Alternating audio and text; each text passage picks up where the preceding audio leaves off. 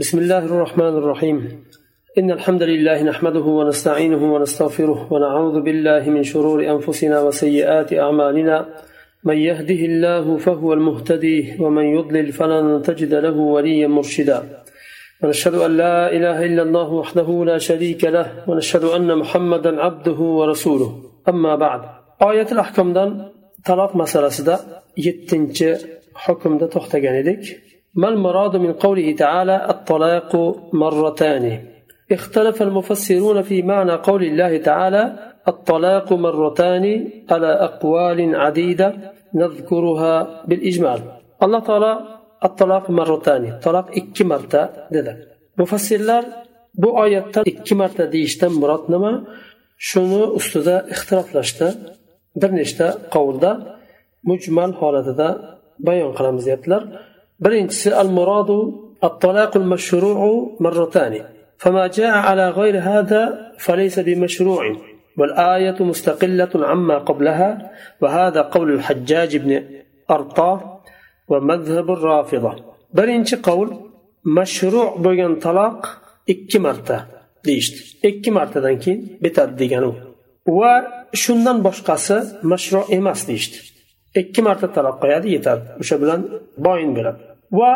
oyat oldingi nimadan mustaqil o'zidan oldingi oyatdan va buni hajjaj ibn arto va rofidiy mazhabi bu qovulni oldi ikkinchisi al murod الطلاق المسنون مرتان سنة بغان طلاق إكي مرتا وهذا قول ابن عباس ومجاهد ومذهب مالك رحمه الله صحابة لردن ابن عباس رضي الله عنه وتابين لردن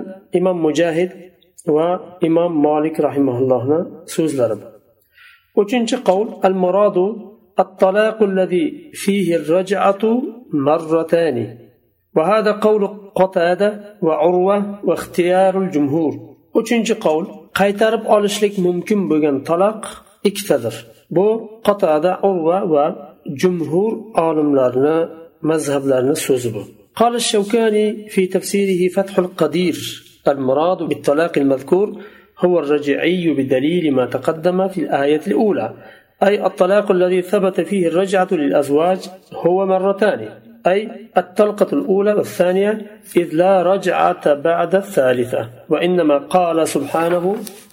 مرتان ولم يقل طلقتان إشارة إلى أنه ينبغي أن يكون الطلاق مرة بعد مرة لا طلقتان دفعة واحدة. imom shavkoniy fathul qodirda aytdilar tafsirda oyatda zikr qilingan taloqdan murod rajiiy taloq. Yuqorida o'tgan birinchi oyatni dalil qildilar.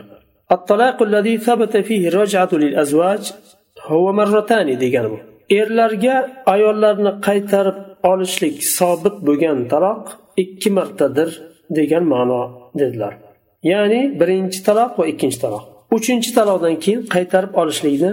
imkoni yo'q alloh subhanava taolo marratani dedi talqatani demadi marratani deganni ma'nosi birma bir orqama orqa berishlikni aytadi ya'ni alohida alohida bitta bitta berishni aytadi agar tolqatayni desa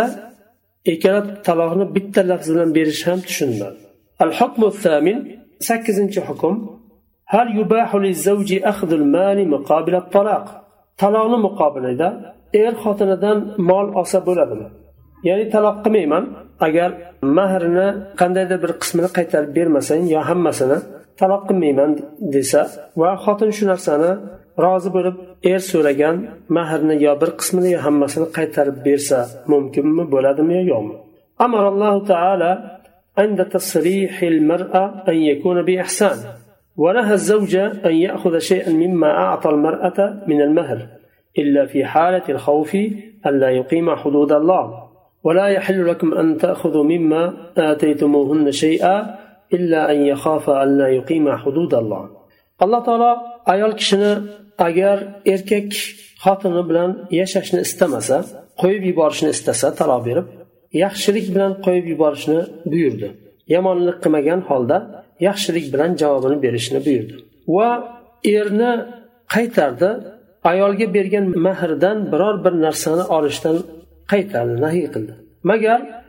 ijozat berdi ruxsat berdi bir holatda agar ular ikkalasi ollohni hududlarini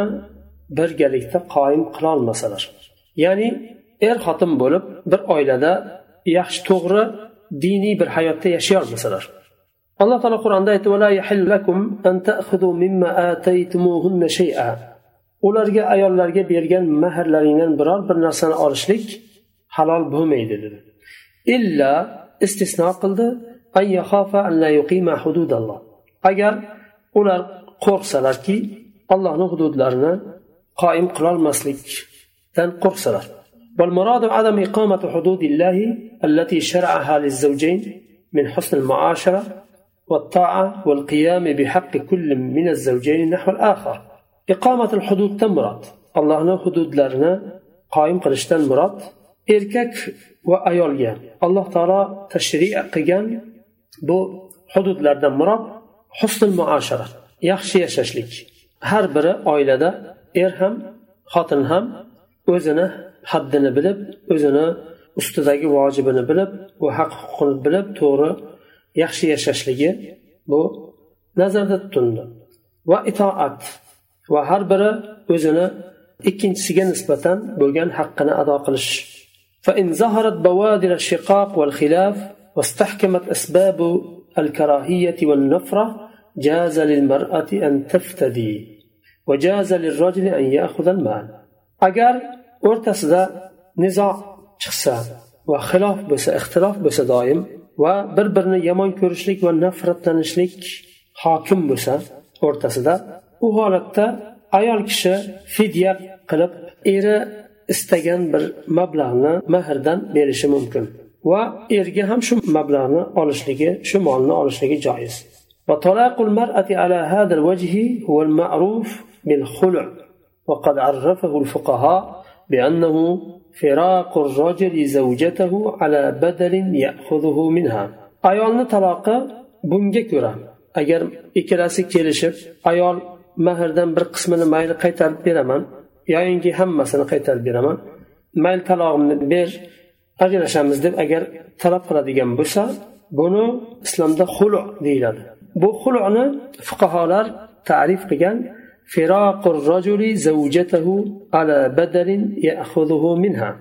erkak kishi o'zini xotinidan badalni hisobiga ajrashishligi talog'ni evaziga bir badal beradi. وفي أخذ الزوج الفدية عدل وإنصاف فإنه هو الذي أعطاها المهر وبذل تكاليف الزواج والزفاف وأنفق عليها وهي التي قابلت هذا كله بالجحود وطلبت الفراق. فكان من الإنصاف أن ترد عليه ما أخذت منه. erkak kishi bu fidyani olishligida adolat bor va insof bor chunki bu mahrni erkak kishi berdi bu mahrni berdi oila qurish uchun yaxshi yashashlik uchun va ayolni sarf xarajatlarini ko'tardi. Bu o'ylanishlikka ketadigan hamma sarf xarajatlarni ko'tardi va ayolni o'ziga ham nafaqa qildi va bu nafaqalarni hammasini ayol kishi juhd bilan ya'ni inkor qilishlik bilan qabul qildi va talonni talab qildi. U buncha sarf qilgandi bu pullarni yaxshi oila qurib yashashlik maqsadida lekin ayol bu narsani noto'g'ri qabul qildi uchun insofdan bo'ladi shu narsani ayol qaytarib berishligi. Er istagan bir miqdorni. والأصل في هذا ما رواه البخاري في قصة امرأة ثابت بن قيس وقد تقدم وفيه قال لها عليه السلام أتردين عليه حديقته قالت نعم فقال رسول الله صلى الله عليه وسلم أقبل الحديقة وطلقها تطليقا bunga dalil imom buxoriy rahimallohni sahiylarida kelgan sobit ibn qaysni roziyallohu anhuni ayollarni qissasi. Rasululloh sallallohu alayhi vasallam so'radilar eridan taloqni talab qilgan ayoldan so'radilar u kishi mahr qilib bir bog'ni mahrga berganlar. Shuni so'radilar bog'ni qaytarib berasizmi deb so'radilar shunda ayol kishi ha dedi sobit ibn qaysni ayollari va rasululloh sallallohu alayhi vasallam aytdilar dog'ni qabul qiling va talog'ini bering dedilar. وقد ذهب جمهور الفقهاء إلى أنه يجوز أن يأخذ الزوج من الزوجة زيادة على ما أعطاها لقوله تعالى فلا جناح عليها فيما افتدت به وهذا عام يتناول القليل والكثير جمهور الفقهاء مذهب ده إر خطن دم بيرجن مهر دن زيادة سبلا أصا بولا oyatda fala junaha alayhima bihi deb mutloq qilib aytdi. Ayol kishi fidya qilib bergan narsani olishligida erkakda bir haraji yo'q zarari yo'q degan mazmunda oyat bu yerda fidya qilib bergan deganda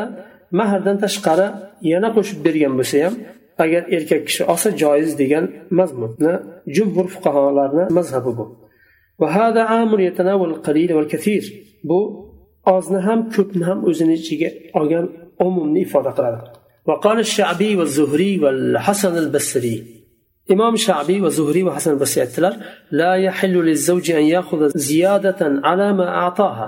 bergan mahridan ziyodasini olishligi joiz emas halol emas dedilar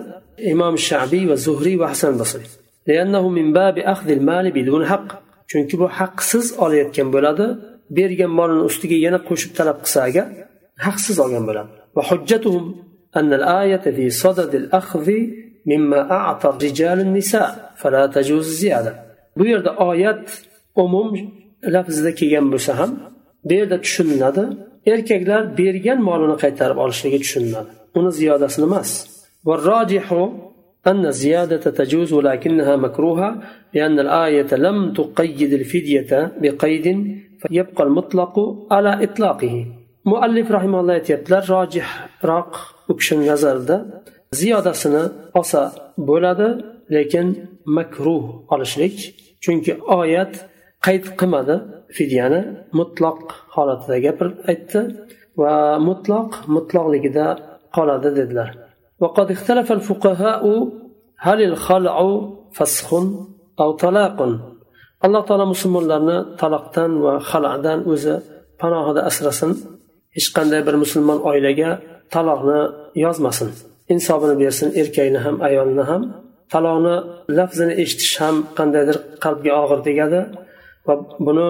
dars qilib o'qishlik ham qandaydir qalbga biroz nima bo'ladi chunki musulmon oilani buzilishi yaxshi holat emas فذهب الجمهور إلى أنه طلاق وقال الشافعي في القديم أنه فسخ وفائدة الخلاف تظهر فيما إذا خلعها هل تحسب عليه طلقة أم لا والأدلة على هذه المسألة تطلب من كتب الفروع bu fasxmi yo taloqmi jumhur fuqarolar buni taloq deyishdi imom shafiiy eski mazhablarida fasx deganlar bu ixtilofni foydasi qayerda chiqadi ixtilofni farqi bilinadi agar hala qilsa ayol bu bir taloq hisoblanadimi yo umuman taloq hisobiga kirmaydimi shu yerda faqat ixtilofni farqi bilinadi buni deyaptilar buni dalillarini fiqhiy kitoblardan talab qilasizlar bu yerda oyatul ahkom bo'lgani uchun keng nimalarga kirilmaydi va shu yerda to'xtaymiz kelasi darsdan inshaalloh to'qqizinchi hukmdan davom etamiz سبحانك اللهم وبحمدك أشهد أن لا إله إلا أنت أستغفرك وأتوب إليك